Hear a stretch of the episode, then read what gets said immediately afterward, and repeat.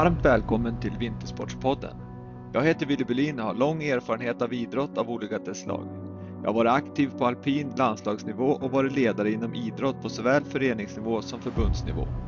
I min nuvarande roll som ledare i det privata näringslivet kan jag använda mycket av den erfarenhet jag fick inom idrotten. Detta avsnitt är i samarbete med Brooks, eller The Running Company som grundades 1914 och är helt fokuserade på löpning. Med sin slogan Run Happy har Brooks som mål att inspirera alla att springa sin egen väg till ett bättre liv.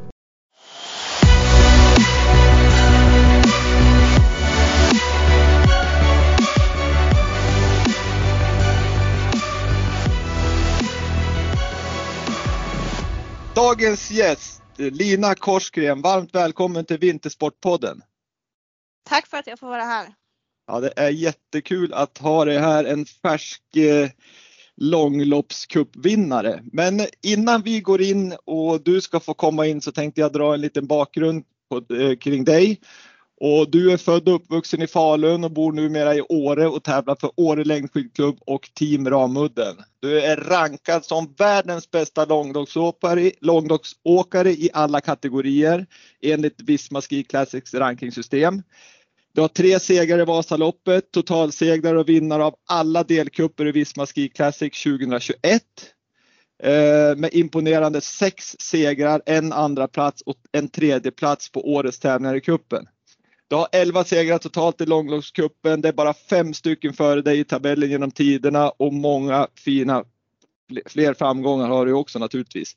Du är invald i Hall of Fame, en bland få åkare och då ska man ha vunnit fem långloppstävlingar genom tiderna då. Och du har en rekordtid i Vasaloppet 2021 på 3.52.08. Du krossar det gamla rekordet med 16 minuter. Och naturligtvis har du ju också landslagsuppdrag i traditionella lopp innan du gick in på långloppssatsningen. Med den här bakgrunden, vad säger Lina Korsgren då? Ja, så det låter ju helt enormt när du räknar upp alla, alla fina prestationer på det här sättet. Jag, jag blir stolt över att höra det. Ja, alltså det är ju, det är ju helt makalöst och dessutom då när man liksom förstår vad långlopp är och, och vilken prestation det är. Alla som har provat att åka till exempel Vasaloppet 9 mil förstår ju hur, hur enormt jobbigt det är och så sen din sista tävling för den här säsongen i alla fall i långloppscupen då där du vann Årefjällsloppet som var 10 mil och 2200 fallhöjdsmeter dessutom. Det måste ha varit en skaplig pers. Ja, men det var en eh, stor utmaning och med tanke på att det var ja, men sista tävlingen för säsongen också att det var, ja, men det var, det var, det var många berg och många djupa dalar där under loppet men eh, det gick ju till slut det också. Mm. Och dessutom då kanske rent så här mentalt så hade du redan vunnit kuppen så att ställa om och, och köra det där loppet det måste ha varit en liten utmaning. Ja, men det var väl framför det allt det som var den största mentala utmaningen att allt liksom var klart med gula tröjan och sådana saker helgen innan. Sen så den drivkraften jag hade mycket under Årefjällsloppet var ju lagtävlingen, att vi skulle vinna den som team eh, totalt för hela säsongen och skrapa ihop så mycket poäng som möjligt på sprintar och climbar och sådana saker. Så att det, det var en stor drivkraft i, i lördagens lopp som tog mig långt. Ja, det var imponerande. Otroligt kul att se. Men eh, om vi ska gå in på Lina Korsgren då, lite om man börjar från början när du var en liten tjej i, i Falun. Hur, hur har resan sett ut? Ja, men eh, vi, jag och min familj, vi bodde i, i Hosjö, heter det, en liten förort till eh, Falun. Eh, och vi bodde nära eh, Korsnäs IF skidklubb, orienteringsklubb, Eluspår och liksom en klubbverksamhet så att eh, det blev väldigt eh, naturligt att jag skolades in i den verksamheten. Eh, min pappa var ordförande där i klubben och min äldre syster tränade där och mamma var tränare så att eh, jag vet inte, det brukar väl vara så där. Man har inte så, man har inte så mycket att välja på. Man får gå i sin familjs fotspår lite grann så att nej men det var det var liksom en väldigt bra start när man var liten och ung. Man hade de där träningarna att gå till på tisdagar och torsdagar, skidträningarna. Sen höll jag även på med gymnastik som, eh, som yngre och höll på med gymnastiken också ända fram tills jag började skidgymnasiet sen. Så att ehm, det har liksom varit en aktiv barndom skulle jag säga. Eh, både liksom, ja, men för mig och min familjs, eh, familjs, ja men hur vi planerade sportloven och påskloven och sådana saker så var det ju också att vi åkte till fjällen och åkte skidor och sådana saker så att eh, Ja, nej men aktiv barndom även om jag liksom inte kanske hade någon riktig så här plan eller prestations, eh, att jag ville liksom bli bäst i världen när jag var yngre eller sådana saker utan jag gjorde det mest för att jag tyckte att det var kul och ja, men träffa kompisarna på träningarna och sådana saker. Mm. Men hur eh, gymnastik sa du och det ser jag framför mig som oavsett egentligen vad man håller på med för idrott.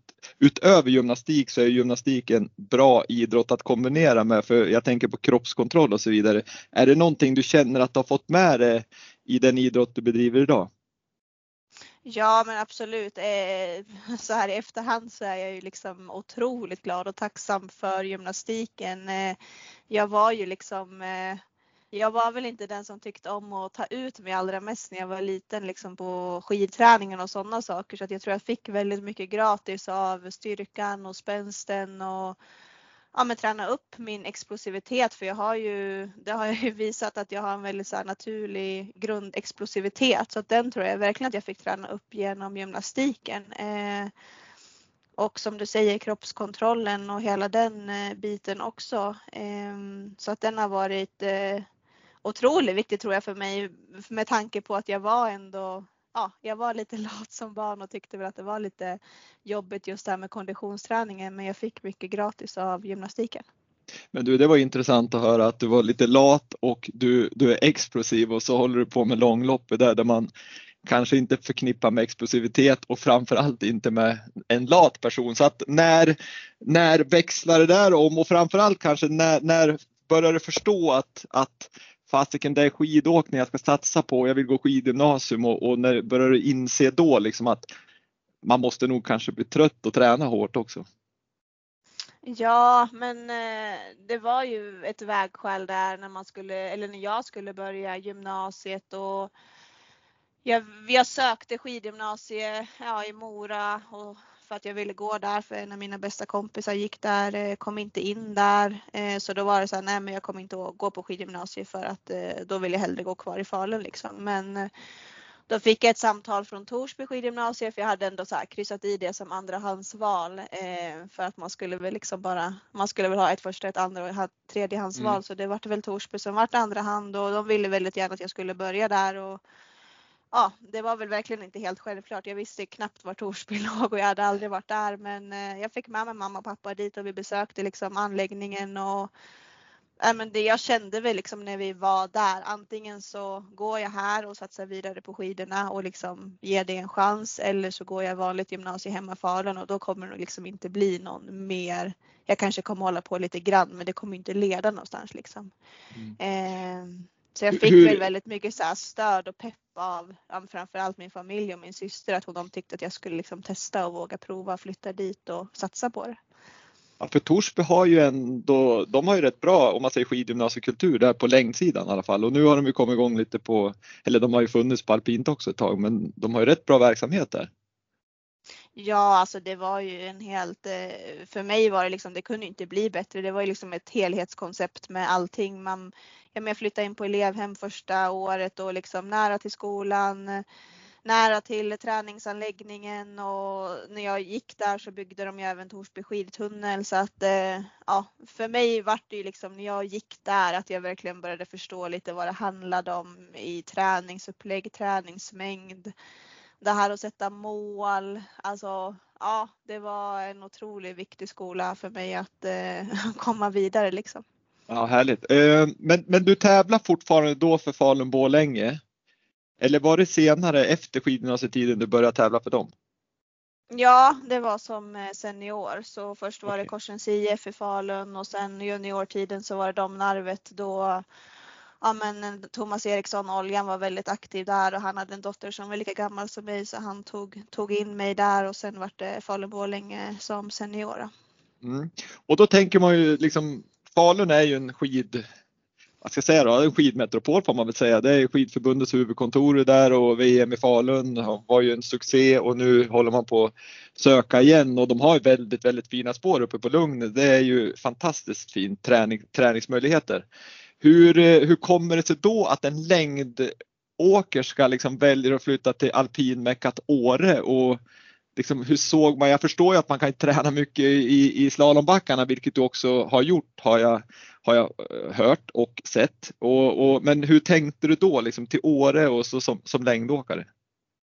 Ja, nej men det var väl ingen självklarhet så där. Jag var väl, nej men det, det var ju på grund av eh, Gustav, min, eh, nu, ja, min man, han, han köpte en lägenhet här uppe i Åre. Jag bodde i Falun och Eh, ja, vi började hänga lite här i Åre och ja, jag visste väl det att eh, jag ville väl gärna bo på samma ställe som honom och han var väl inte beredd att flytta till Falun till 100 så att eh, då hamnade vi i en lösning att eh, båda tyckte om att vara i Åre så att eh, ja, vi landade här liksom och hittade, ja, hittade vårat liv här uppe och kunde, jag tyckte att eh, det gick väldigt, väldigt bra att träna, träna längdåkning här uppe även om jag var väldigt, eh, ja, från att komma från Falun där jag hade otroligt mycket folk runt om mig som tränade liksom på samma sätt som jag gjorde och kom från en verksamhet där på Dala Sports Academy till att vara väldigt ensam här uppe så, så trivdes jag ändå någonstans med det. Jag började liksom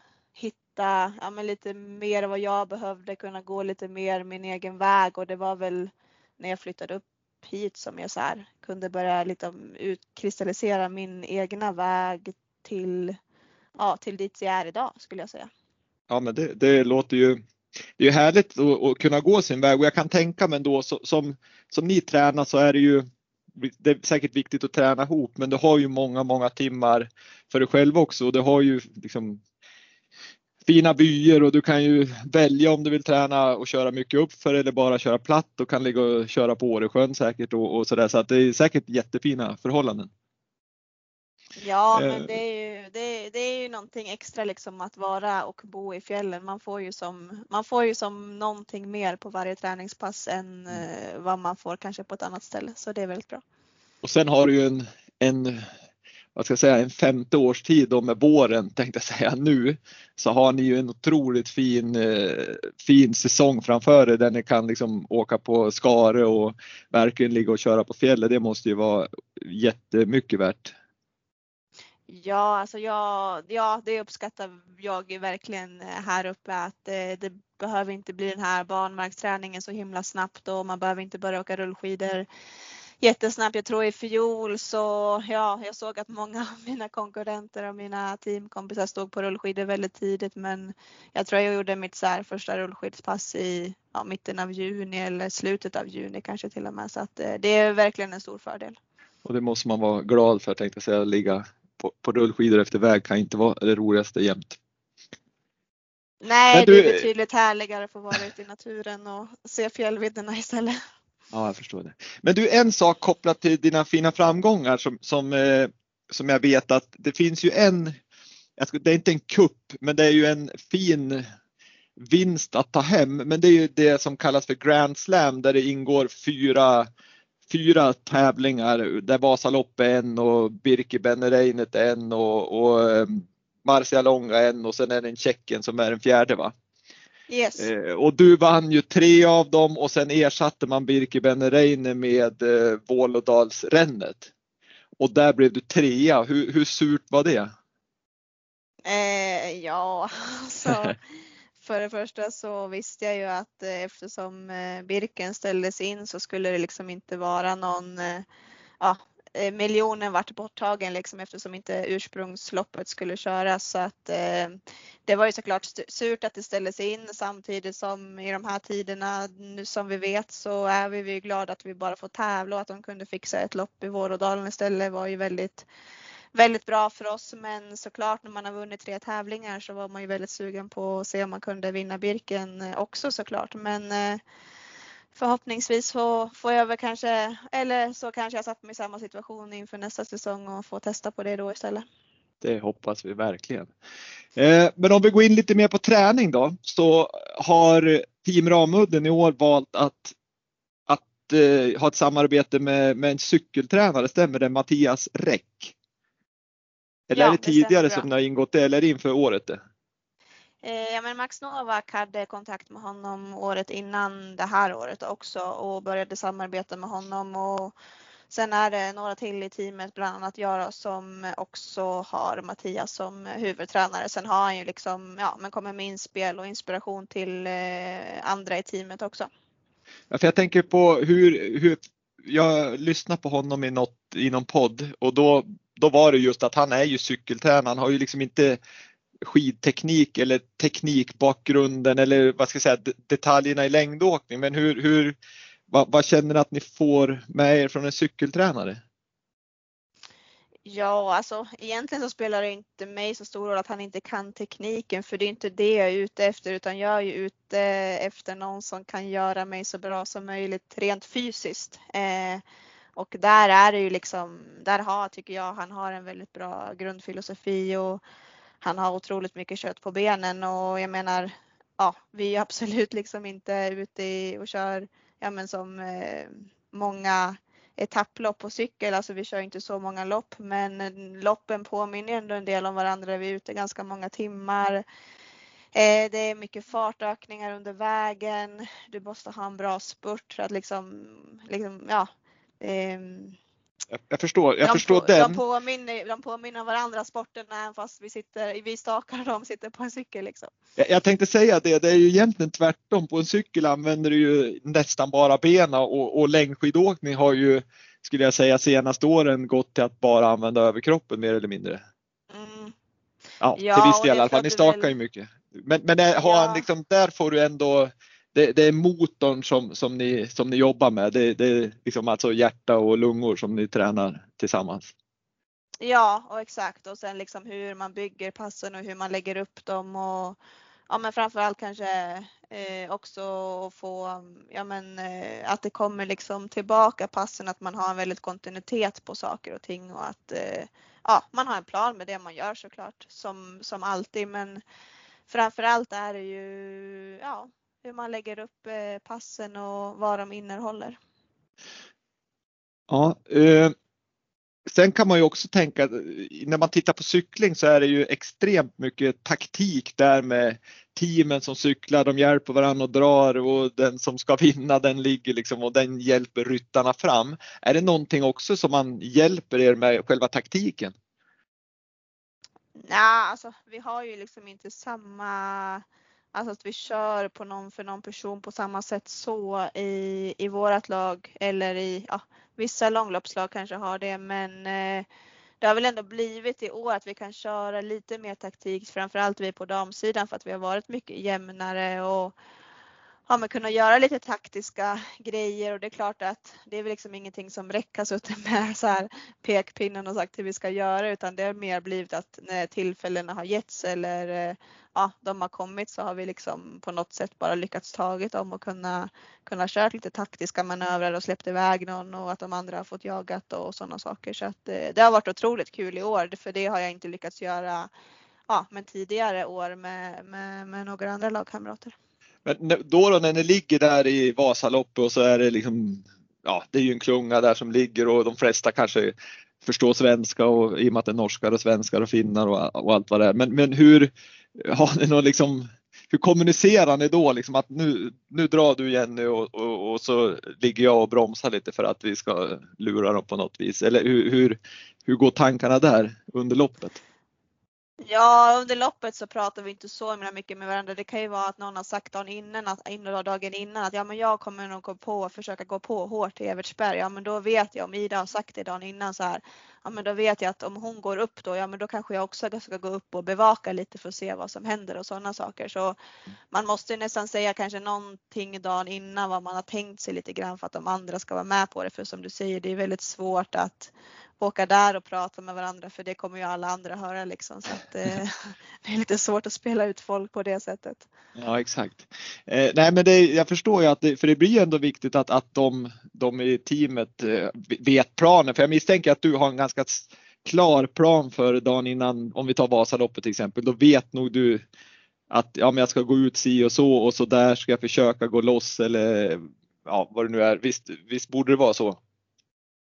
Jo, men det är ju så. Men sen är det som vi alltid säger att när vi sitter och pratar om olika scenarier eller pratar lite taktik dagen innan så brukar vi ju ofta säga så här, ja men vi kan sitta här och snacka om det här men vi vet ju alla att det kommer inte bli så här imorgon för att liksom det är alltid någonting annat som sker eller det är någon annan som kör eller liksom sådana saker. Men Eh, vi brukar alltid resonera kring det och det, det är ju väldigt bra och sen är det ju alltid liksom utifrån också vilken form man är i eh, och där måste man ju också vara ärlig med sina lagkamrater att ja men jag kanske inte har min bästa dag idag så att jag, jag kör på lite extra nu för att jag, om jag kan hjälpa er liksom och sen kommer jag släppa. Eh, så det gäller ju att vara lite ärlig och färg mot de andra också. Ja, det, det låter väldigt eh, Ja, det låter fint och, och, och det, framförallt är det ju logiskt att det är så, men det är ju vissa är ju lite mer individualister så att man kanske inte vill släppa fram de andra. Men eh, jag tycker att Team Ramudden ser ut att ha väldigt fin sammanhållning. Ja, men, du... men vi är väl överens om det att vi, alltså den dagen man har en bra dag så liksom då, då, kan man, då kan man få ut sitt mesta. Och har man är någon annan som har en bra dag och man själv har en sämre så då, man kommer ju bara tjäna på det i slutändan liksom, så att det, det känns väl som en självklarhet. Ja, eh, men om vi går in på, på, på träningen mer då. Vi har, vi har varit och touchat naturligtvis vid det med, med Mattias Räck, men hur, hur, vad är det för typ av träning som, som, som du bedriver? Om, om man tittar liksom, ja men hur mycket mängdträning är och är, skiljer det sig mycket mot om jag får säga en vanlig skidåkare som åker 10 kilometer skate och, och eh, 15 kilometer klassiskt och så vidare. Men är, är skillnaden stor i träningsupplägg och är det mängden ni fokuserar på eller är det hur, eh, kopplat eller jämfört med till exempel intervaller? Hur, hur lägger du upp det?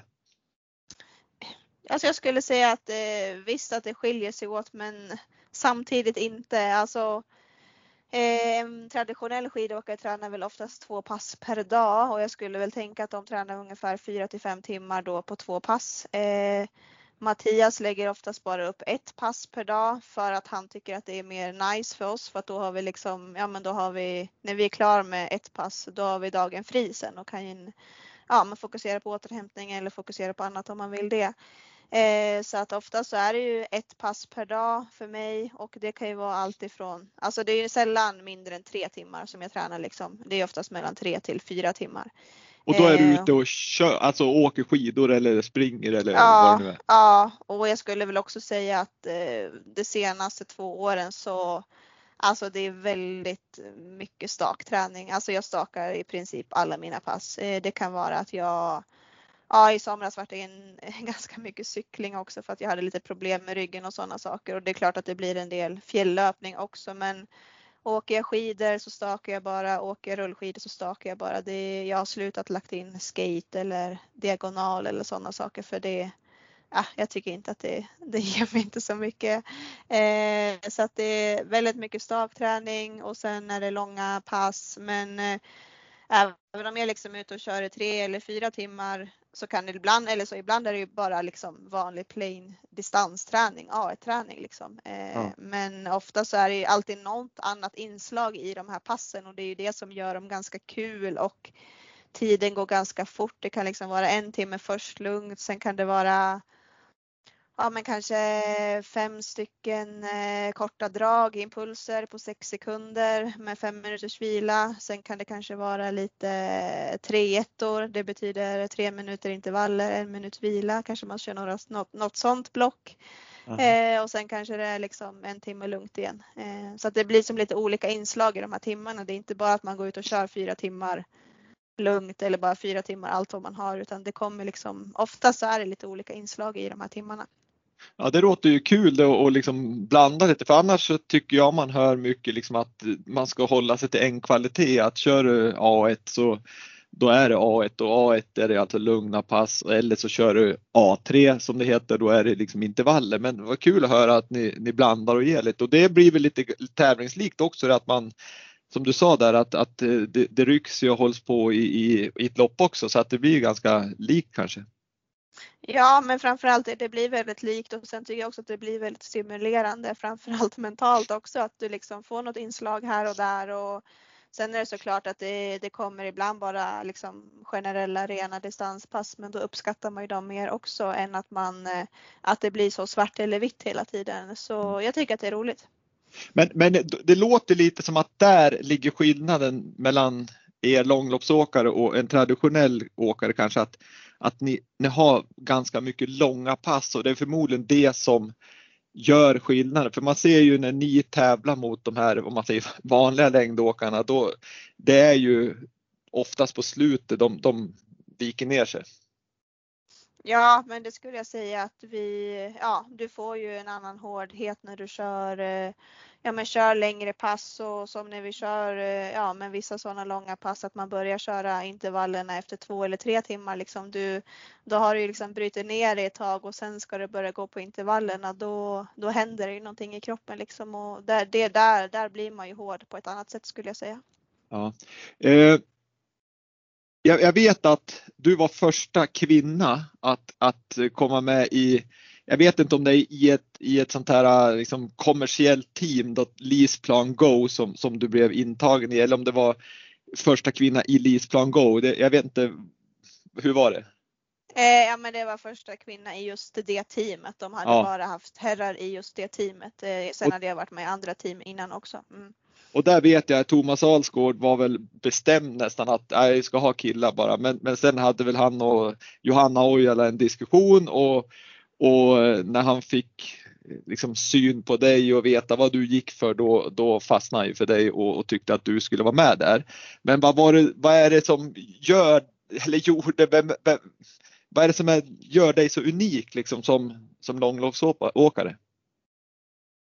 Eh, ja, jag skulle säga att jag Nej men jag vet ju vad jag vill och eh, jag, jag ger mig aldrig liksom. Alltså jag har ju det där, äh, ja men som eh, Årefjällsloppet i lördags liksom så här, när jag är avhängd och det är en mil kvar men jag kommer ändå tillbaka. Alltså så här, jag har, eh, det finns alltid någonting där att fightas för oavsett vilket resultat jag kör för. Eh, och det skulle jag väl säga är en väldigt styrka hos mig att eh, ja, ja, de, får, de får kämpa för att mala ner mig liksom och jag, eh, ja, ja, det har, man, det har man sett när man följer det på, på helgerna, vilket är underbart. Eh, men, men någonting som jag tror de som lyssnar och de som är motionärer eh, är väldigt intresserade av, det är ju just det här med har du något tips till, till alla de här Vasaloppsåkarna som är vanliga motionärer och hur blir man en bra stakare? Naturligtvis förstår jag att man ska staka mycket men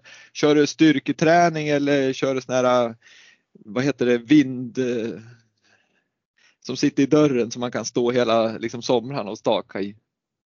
Ja, eh, Alltså det är ju en blandning. Det måste ju vara liksom, eh, för det första måste du komma upp i en viss nivå för att du ska orka staka, liksom orka köra jobbiga stakpass eh, och det kan du ju komma upp i olika sätt om du kör den stakträningen på skidor eller rullskidor eller stakmaskin eller styrketräning. Eh, men när du väl har fått liksom en viss eh, grundstyrka då skulle jag säga att det är, liksom, det är bara att fortsätta gneta på och har du tillgång till en bra och brant uppförsbacke så är det jättebra att, liksom, att bli stark att staka uppför. Det tycker jag är den bästa styrketräningen, liksom att staka tufft och brant uppför och sen eh, addera det med lite hårdare och kortare intervallpass i stakmaskinen där man kan göra väldigt effektiva pass. Hur, hur det är sanning, du, du kör verkligen träning i backarna i Åre där eller, eller har du bara gjort det vid vissa tillfällen? Eh, nej, jag har gjort det både, ja men dels vintertid så har jag ju ett pass där jag brukar staka, ibland i alla fall, upp till, ja, men till Hummelstugan via transportlederna. Eh, sen blir det otroligt mycket backträning på rullskidor och eftersom jag bor uppe vid Copperhill i Åre i Björnen så har jag alltid en eh, bra backe hem liksom och sådana saker. Så att ja, jag upplever jag. att jag har blivit, ja det är ju det som har blivit en eh, styrkegrej för mig liksom att jag, jag kör mycket stakning uppför och det är det som ja, gör att jag är grund och genomstarkt eh, bra tränad nu liksom. Mm. Ja det förstår jag. Man båda varit uppe vid Copperhill och åkt transportsträckorna där upp till Hummelstugan då förstår jag att du är stark och staka det kan jag gå god för.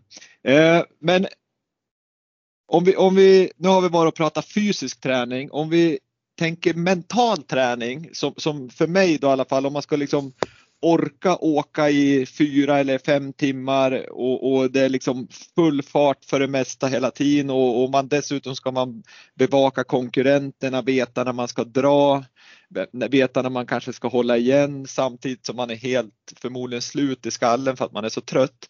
Hur, hur, jag vet att efter Årefjällsloppet då, då kommenterar du att, att liksom, du hade, i år hade du fått med dig liksom allting, även den mentala biten och, och kanske det var liksom pricken över i för att lyckas eh, med de fina framgångar du haft i år. Men jobbar du på något speciellt vis med den mentala träningen eller hur, hur lägger du upp det? Ja, men jag har jobbat med, med just den mentala biten. De, eh, ja, men, sen, eh, sen jag vann mitt första Vasalopp. Eh, då var jag där, det var 2018 som jag vann det, så jag var eh, säsongen innan som jag verkligen var så här, nej men jag vill börja jobba med mental träning för att jag tror att det kommer hjälpa mig och då tillsammans med Mattias Elg som jag jobbar med så sa jag det, men jag vill vinna Vasaloppet. Hur, hur ska jag göra det liksom på något sätt?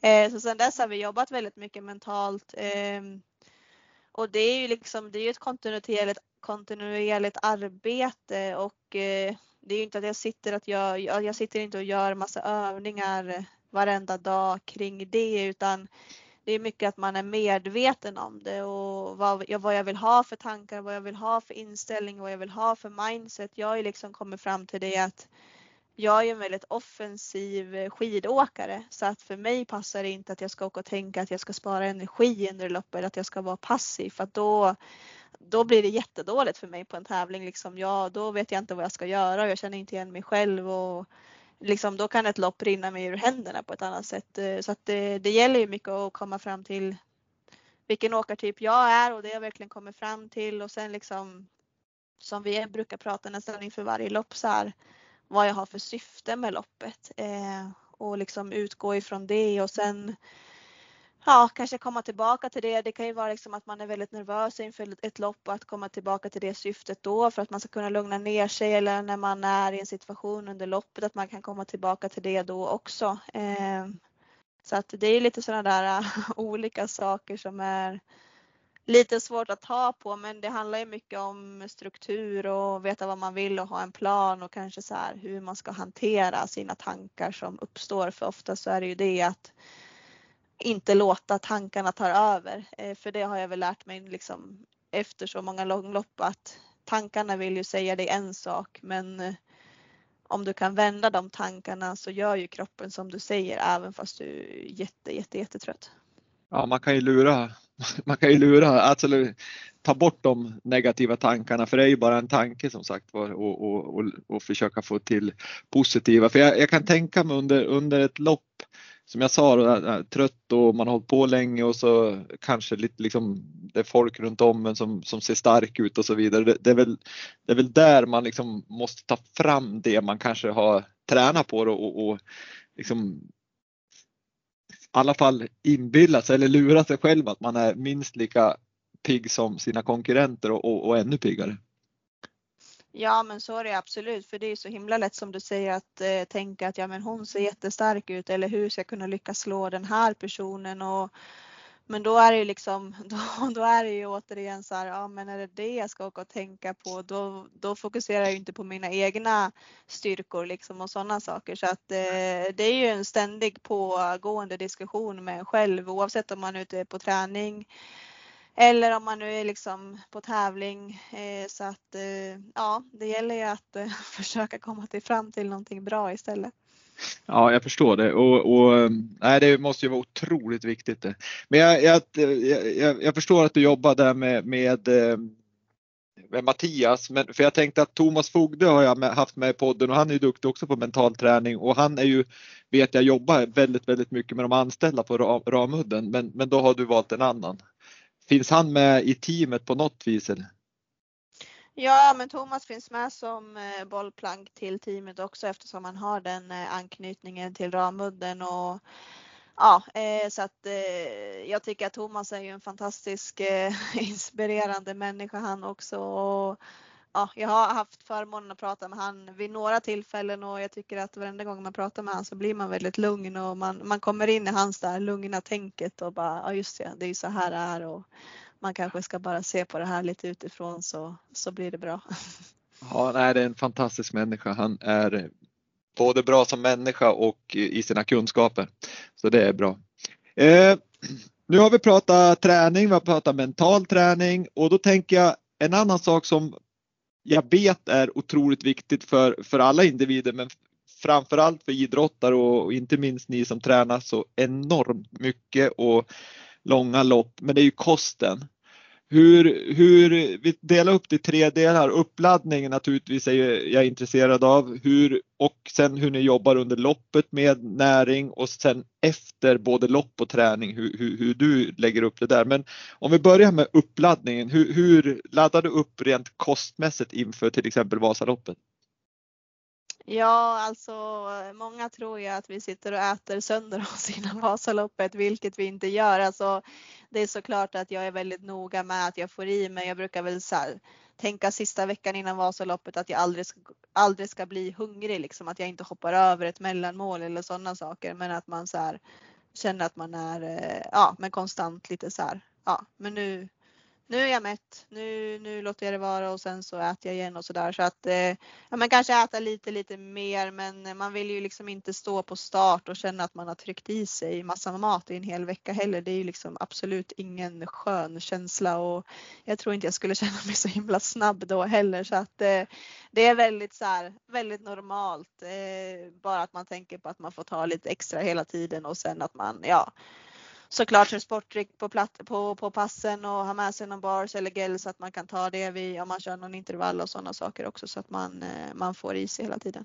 Nej, för man, man hör ju om man säger motionärerna som ska ladda, det är liksom det dundras i pasta så det står ut genom öronen och de dricker vatten så de kan inte sova på nätterna för de, de kissar så mycket. Och, men, men där säger du att du försöker äta normalt men, men är tajmingen viktig i när du äter inför passen, liksom veckan innan, eller det är det väl alltid, men så att du liksom ser till att det inte går tom på passen och, och sådär?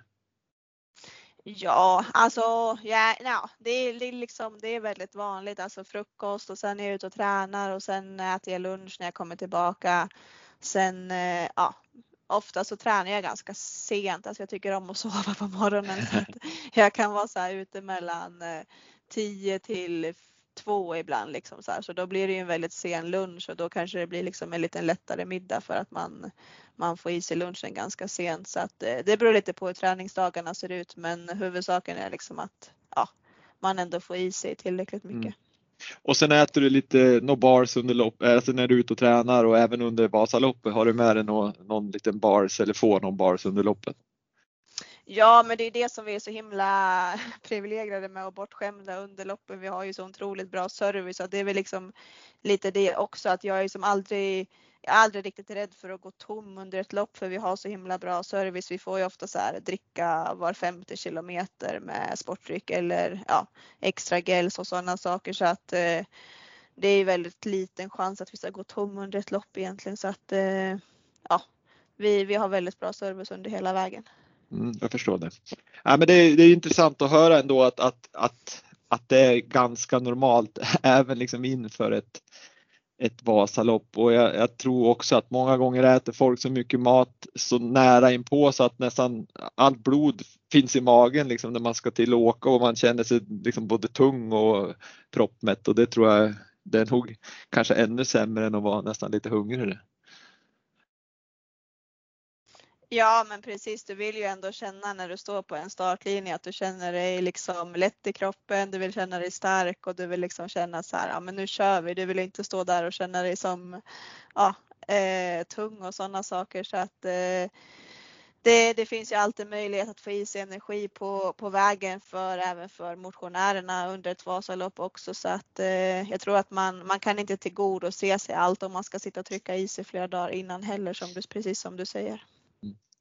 Nej, men det låter bra och du sa, du själv nämnde här att, att teamet, nästan lite bortskämd att ni får vätska och, och, och tillskott var 50 kilometer, vilket jag förstår om, om man ska satsa rejält och, och så där så, så är det jätteviktigt. Men, men om man då går in på Team Ramudden, eh, då, då kommer min liksom tanke hur, jag, jag, förstår att betydelsen är enorm, men hur, hur liksom eh, har ni en hel apparat runt om er med valla och hur, ser liksom, hur många är det som jobbar med service och naturligtvis är det viktigt med teamet för att pusha er och, och motivera er också.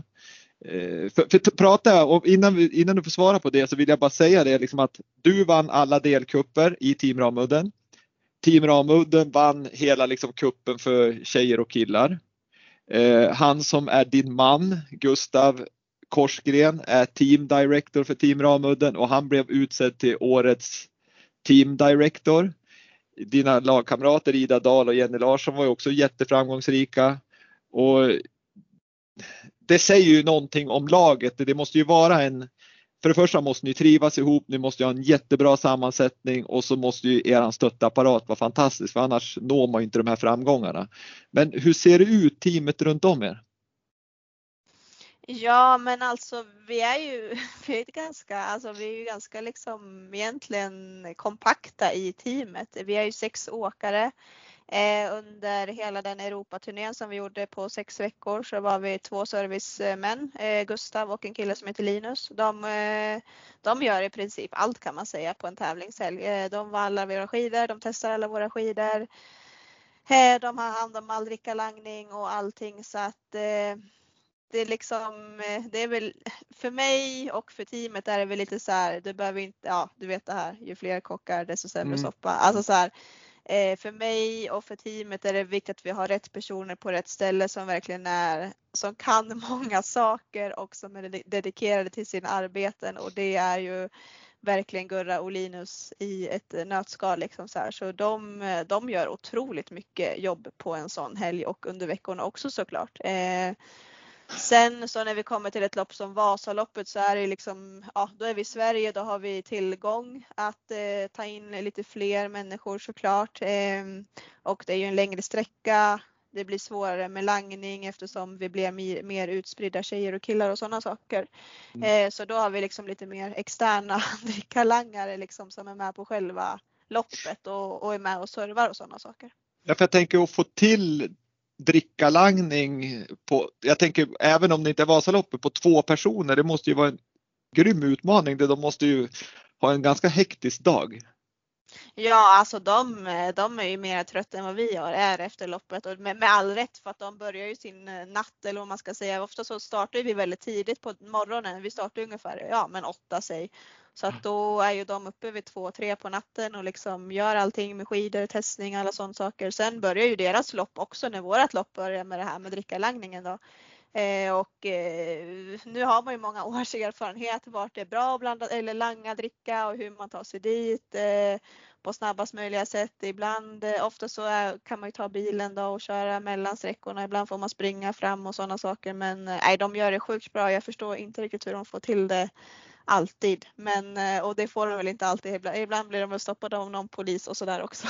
Men det, ofta så går det bra. De löser det oftast på ett väldigt, väldigt bra sätt så det är imponerande. Ja, jag måste säga det låter, jag trodde det var ett mycket större team än så men, men det är ju, för jag vet ju själv hur det är att, ja men att, att valla oavsett om det är längd eller alpin så vet jag, det är ju liksom, det är ju, bara det är ju en väldig apparat och sen ska man testa ut skidorna och, och dessutom då ge sig ut och, och langa dricka, ja det, det lät ju, det blev vi av. Väldigt imponerad. Du får hälsa Gustav och vara snäll mot honom under sommartid. ja det ska jag vara, absolut. absolut. eh, intressant, mycket intressant att höra faktiskt. Jag, det, det blev förvånad med att det var så pass få. Men om vi ska då gå in på själva Visma Ski Classics så, så är det ju en liten annorlunda upplägg att tävla i långloppskuppen jämfört med Oj, att tävla. Ursäkta, jag måste bara hosta här. Kan du bara bryta lite? Absolut. Oj, ursäkta jag fick lov att ta lite vatten. Oj. Ja, inga problem. Eh, jo, jag var inne på Visma Ski Classics. Det är ju någonting annorlunda liksom att, att tävla i ett kommersiellt team som Team Ramudden och, och sen är det ju massa andra kommersiella team jämfört med den här traditionella tävlingsformen där man tävlar för en klubb och man tävlar för ett landslag. Eh, och hur, hur, ser du liksom, hur är förhållandet? Ni, ni, har ju liksom egentligen ingenting med FIS att göra mer än att ni måste ha en FIS-licens för att, för att få, få tävla. Men, men annars så har ju, lever ju ni ert egna liv. Är det någonting som ni liksom tycker är bra eller skulle ni hellre vilja liksom vara med i den här FIS-svängen så att säga? Eh, ja, men jag skulle väl säga att eh, egentligen, ja men när du säger kommersiella team så så är det ju, våra team styrs ju, eller liksom vi finansierar våra team med en huvudsponsor men det gör ju även landslagen och klubbarna. Det är ju så man får in pengar. Ja, eh, sen så går ju vi under FIS regelverk så hela Vismaski Classics har ju FIS regelverk som vi utgår ifrån. Eh, sen har ju även liksom Vismaski Classic eh, har ju liksom möjlighet att ta lite egna svängar och liksom bygga upp kuppen på ett eget sätt. Eh, och det tycker jag är, för mig funkar det väldigt bra och det blir liksom att Vismaski Classic är väldigt eh, Ja men de vill verkligen ha med teamen och åkarna på deras tåg. De är väldigt så här eh, angelägna om att få in våra åsikter. Vad tycker vi? Hur kan vi bygga den här produkten på bästa möjliga sätt tillsammans? Att vi har ju en väldigt så här kommer, har vi ett förslag eller en idé på att så här kan vi göra eller liksom, då, är då, då kan vi mejla dem eller ringa dem och så kan de ja, men ta upp det och är det ett bra förslag eller är det ett dåligt förslag? Liksom. Så att det känns ju som att vi har mer ett bättre samspel skulle jag säga. Jag vet inte hur det funkar mellan FIS och världscupen och landslagen på det sättet men jag tror och eh, ja, nej men jag, jag, skulle säga att vi, vi har en väldigt bra dialog där med, med Vismaski Classics. Ja, och det låter ju, det låter ju som ganska kul. Men nu vet jag ju att åkarna, det finns ju något åkarråd också inom FIS, alltså internationella skidförbundet, men det är ju en större apparat så det, det svänger man ju som inte runt på samma sätt liksom på, att man kan ja, i princip mejla och, och, få förändringar. Det, det låter ganska härligt att det är så tycker jag. Eh, men saknar du att det är landslag på något vis, att du får tävla för Sverige i, i långloppsvärldscupen? Nej, egentligen inte. Alltså jag representerar ju alltid mitt, mitt land oavsett om jag åker för Team Ramudden eller för ett landslag. Sen förstår jag precis vad du menar att det är väl klart att det, det är skillnad att åka på ett VM och representera ett landslag eller på ett OS såklart. Eh, visst kan man eh, det hade ju absolut varit en dröm och, som hade gått i uppfyllelse om jag hade fått gjort det också. Men eh, jag tycker liksom att eh, så som vi har byggt vårat lag, Team Ramudden, så är jag otroligt stolt att få representera teamet varenda gång jag står på startlinjen och det är ju liksom som Ja, det är ju som mitt egna lilla minilandslag som jag, mm. som jag representerar där ute och ja, nej, så att jag, nej, jag saknar inte det så mycket. Men när tror du det blir en OS-gren då? Ja, det beror väl på hur mycket påtryckningar det blir om det. Men eh, nu vet jag ju, nu har jag ju sett att det är lite, lite skriverier att tjejerna vill ha lika långa distanser som herrarna på världscup och sådana saker. Och det tycker jag är väl ett otroligt bra första steg om det skulle kunna bli det. Sen skulle jag också se att eh, de här tre milen och fem milen på traditionella sidan blir ännu längre för att en fem mil är ju inte lika lång idag som den var för, ja vad ska vi säga, 20 år sedan liksom utan allting går ju så mycket fortare mm. och vi har blivit starkare, vi har snabbare material under fötterna så jag skulle ju vilja se längre åktider på de distanserna och då skulle jag ju tro liksom att vi då skulle det helt plötsligt också kunna bli att vi långloppsåkare skulle få möjlighet att köra de distanserna för att vi är specificerade på det. Mm. Ja, jag håller med dig. Det, det, det, det, så är det ju faktiskt för när man ser gamla bilder från Vasaloppet när det en gång började när det inte fanns spår och skidutrustningen var, ja det var helt otroligt. Då, då var det ju en annan typ, liksom en annan prestation också såklart. Ehm, så att eh, utvecklingen går framåt och det är kul. Eh, men, men Visma Ski Classics, det, jag såg det sänds i 70 länder idag, vilket är helt fantastiskt. Det är ju, det är ju väldigt många länder som, som sänder det här. Eh, men nu så kommer ju SVT, de blir av med längdrättigheterna och de alpina rättigheterna nästa år till NENT. Och då kommer man ju släppa in och börja sända liksom långloppskuppen och Visma Ski Classics live. Hur, hur, hur, känner du inför det och vilka möjligheter känner du att det ger både dig själv som, som utövare men även för sporten? Eller sporten, men för grenen långlopp då? Nej men jag ser positivt på det. Jag tror att det kommer, eh, ja alla vet ju liksom vad Vinterstudion eh, genererar hemma hos, ja men de som sitter eh, hemma och kollar på det under vinterhalvåret och att vi kommer ha våra lopp som sänds i Vinterstudion och liksom får ett snack runt det och förhoppningsvis många bra och fina reportage liksom kommer ju göra att det kommer bli mycket fokus på, på långloppen och det är ju bara positivt till. Jag tror att det, det kommer liksom växa på den breda marknaden mer. Sen tror jag också att den fördelen vi har just med långloppen är ju de som följer långloppen och sådana saker har ju kanske åkt loppen själva så att de vet liksom, eh, ja men man sitter och tittar på Vasaloppet och bara ja men nu är vi vid Eversberg, ja men där var jag så här och så här trött. Liksom man har någonting att relatera till. Det kan ju vara mycket svårare att relatera till när du kollar på en världscup att ja, men hur trött blir man på 10 kilometer eller hur fort går det eller hur brant är den där backen? Men det är många av de här långloppen som faktiskt, eh, ja, många vanliga människor har åkt och då tror jag att det är roligare att titta på och lättare att relatera till för att eh, du kan jämföra det på ett annat sätt. Liksom.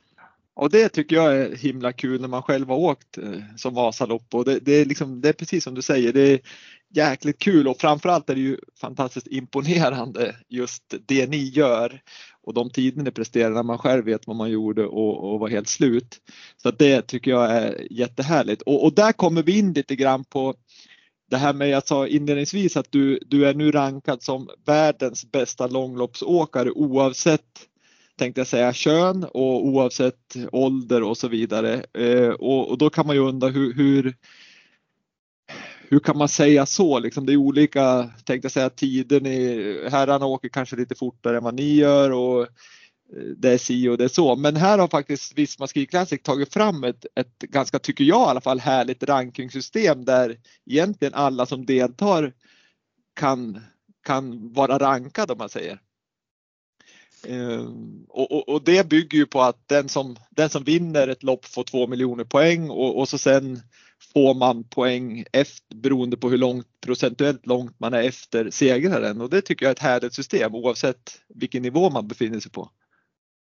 Ja, men jag håller med dig och de släppte ju det här för, jag tror det är två säsonger sedan nu och det är ju samma tänk där liksom att verkligen få med, ja, få med alla. Som du säger, deltar du i ett Vismaski Classic-lopp så får du också en ranking och då kan man liksom jämföra sig mot de bästa eller man kanske vill jämföra sig mot någon som man brukar träna med eller, eller frugan eller vad det nu än kan vara. Liksom. Så att jag tror att det, det är ett väldigt bra system för att eh, ja, men dels kunna mäta sig mot varandra men också kunna skapa intresse för sporten.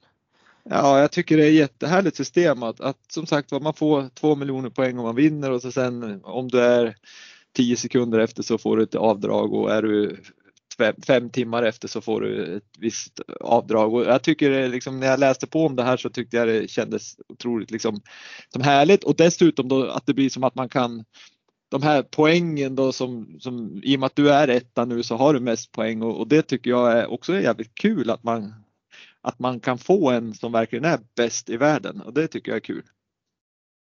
Jag håller med. Jag håller med. Ja, det är härligt. Uh, nu är det ju så här att vi, vi börjar liksom komma lite grann mot slutet här och, och, det enda jag kan konstatera det är mer än hur känner du inför kommande säsong? säsong? För tidigare säsonger där har ju du haft jättefina prestationer men det har ju inte varit liksom toppen toppen utan det har legat hela tiden och jagat de andra. Men nu helt plötsligt har du sex vinster du har en andra plats, en tredje plats och är världens bästa långloppsåkare. Hur känner du inför nästa år där du är jagad? Ja, alltså det är ju en helt annan situation att vara i. Jag har ju känt på den lite under säsongen skulle jag också vilja säga. Eh, och eh, ja, det, jag skulle väl säga att det är, mest, det är ju mest positivt för att jag vet ju att det är ju den positionen alla vill vara i. Eh, man vill ju vara den som är bäst liksom och nu är jag det. Eh, så att jag försöker ju bara tänka positiva tankar kring det. Sen eh, så vet jag ju att liksom, det kommer en ny säsong. Då, då, då är vi alla nollställda igen liksom, förrän man har bevisat någonting annat. Så är det ju. Men eh, ja, jag ska väl jag kommer verkligen njuta av att jag är, jag är topprankad och jag har vunnit sex tävlingar som du säger och att det, att det är folk som vill jaga mig och att inte jag behöver jaga dem. Sen vet jag att jag måste ju, jag måste ju sköta mitt jobb under hela sommaren och hösten men eh, ja, jag känner mig inte orolig för att jag inte kommer göra det utan jag kan bara göra mitt bästa för att, för att vara på den här eh, platsen nästa säsong också.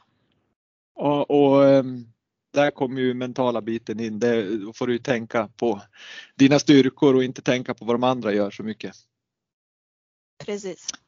Eh, och sen då kopplat till det här, i och med att du tog sex segrar i år eh, så har du ju blivit invald i långlopp Hall of Fame. Hur känns det och, och liksom, är det en sporre och liksom någonting du känner stolt över? Ja men verkligen, alltså alla utmärkelser som du kan få som idrottare det, det gör ju gott för ditt självförtroende och för liksom eh, Ja men att visa att du, du har gjort någonting bra. Så att eh, det tar jag verkligen med mig också. Och förhoppningsvis så när någon läser den där raden om eh, ett visst antal år så kommer de se mitt namn och det, det gör mig glad. Ja verkligen. Och jag ska säga det att för att bli invald där då så ska man ha vunnit fem tävlingar i, i den här touren. Det hette ju något annat än Visma Ski Classic tidigare men, men, men man ska ha vunnit fem tävlingar och det är inte så jättemånga och, och framförallt har du ligger du högt upp med dina 11 segrar så det är ju imponerande, verkligen. Nu har jag bara två frågor kvar Lina och en fråga det är en lyssnarfråga eh, och den, den är så här att jag tycker den är ganska intressant med tanke på att jag skulle kunna tänka mig att du har på något vis i alla fall haft Marit Björgen som någon form av förebild med tanke på hennes, hon är väl den liksom mest framgångsrikaste olympien, i alla fall vinterolympien om man tittar till medaljer sett. Och så nu i år ställde hon upp i Vasaloppet, ni ligger och kör och om jag inte missminner så cirka 9 kilometer före mål så ger du dig iväg och hon orkar inte hänga med. Hur, hur går dina tankar då när du vet att du har kanske längdsportens största genom tiderna som du nu ska dra ifrån? Hur, hur går dina tankar då? Ja men alltså om man börjar så här, alltså just innan start så tänkte jag inte så mycket på att Marit var Marit. Jag såg henne som vilken motståndare som helst, även om jag visste att hon stod där liksom. Eh, sen under loppet så jag visste, jag hade ingen aning om hur stark hon skulle vara. Det var ingen som visste det liksom. Jag förstod att hon skulle vara bra, annars skulle hon aldrig stått på startlinjen. Eh, sen så får jag, jag har en svacka där efter Oxberg som jag tycker att jag börjar känna mig ganska trött och ganska sliten. Och där och då får jag liksom en tanke, bara, men alltså shit, det är ju Marit Björgen jag ska slå idag. Det här kommer inte gå liksom. Men eh, då var det så här snabbt bara, nej nu är du tillbaka i fel tankemönster, nu är du tillbaka i en gammal tankebana som du inte ska tänka. Så det var ju liksom bara bryta det. Sen tyckte jag liksom att ja, men nu börjar jag kännas bättre igen. Jag känner mig lite piggare. Hon vill ändå att jag ska fram och dra. Det måste ju ändå betyda att hon har inte tänkt att köra ifrån mig nu liksom. Eh, och sen så, ja men sen, sen var det ju ett ögonblick där när när herrklungan hade passerat oss. Jag hade släppt herrklungan, hon hade också släppt herrklungan och hon hade släppt mig. Ehm, så då var det så här, äh, men jag hade ett par killar framför mig lite längre fram och så bara, nej men nu är det nu eller aldrig. Jag måste köra ikapp dem igen så att jag får försöka hänga på dem och att hon blir själv liksom. Eh, så att, eh, nej men jag var livrädd att hon skulle, jag kände att hon var så jäkla stark. Eh, att hon, hon skulle verkligen inte ge sig. Ehm, Sen gick det nog upp liksom lite mer så här i efterhand när jag väl hade slagit henne några dagar efteråt. Bara shit, jag slog verkligen Marit Björgen och hon var i så sjukt bra form den där dagen och att jag lyckades med det. Det är så stört. Men eh, ja. Ja, det var rörande att se se målgången och sen kan jag ändå tänka mig att det är stort när någon som Marin, Marit kommer och liksom gratulerar en. Sen uttalar hon ju som att du gör ett fantastiskt lopp. Det, det tycker jag var stort att, att lyssna till. Ja, nej men fantastiskt kul och jag hoppas att eh, hon också har fått mer smak och att hon eh, kommer tillbaka till nästa år igen. Ja, det får man hoppas för det är ju, om inte annat är det bra för, för eh, grenen och, och, och toren. Eh, nu har jag den sista frågan och den frågan den ställer jag till alla som deltar i Vintersportpodden. Och den är ganska kort och konkret men kan du nämna en, en faktor för att bli, eh, lyckas med idrott? Ja, det kan jag göra och det är att du ska ha tålamod. Tålamod. Eh, tålamod, tålamod, tålamod. Det kanske liksom allt kanske inte går precis som du vill eh, det här året eller den här säsongen. Kanske inte gör det om tre år, men eh, om du har tålamod och du inte ger upp så kommer det någon gång bli som, som du har tänkt och så som du vill ha det. Vet att det tycker jag var fina ord att avsluta Vintersportpodden med Lina Korsgren. Tålamod, långsiktighet och jobba på bara då kommer det gå bra för alla som vill det. Med det sagt så tackar jag Lina för en, ett härligt samtal och naturligtvis önskar jag henne lycka till med all träning i sommar och framförallt lycka till med Visma Ski Classic säsongen 2021-2022. Tack ska du ha Lina! Tack så jättemycket för att jag fick vara med.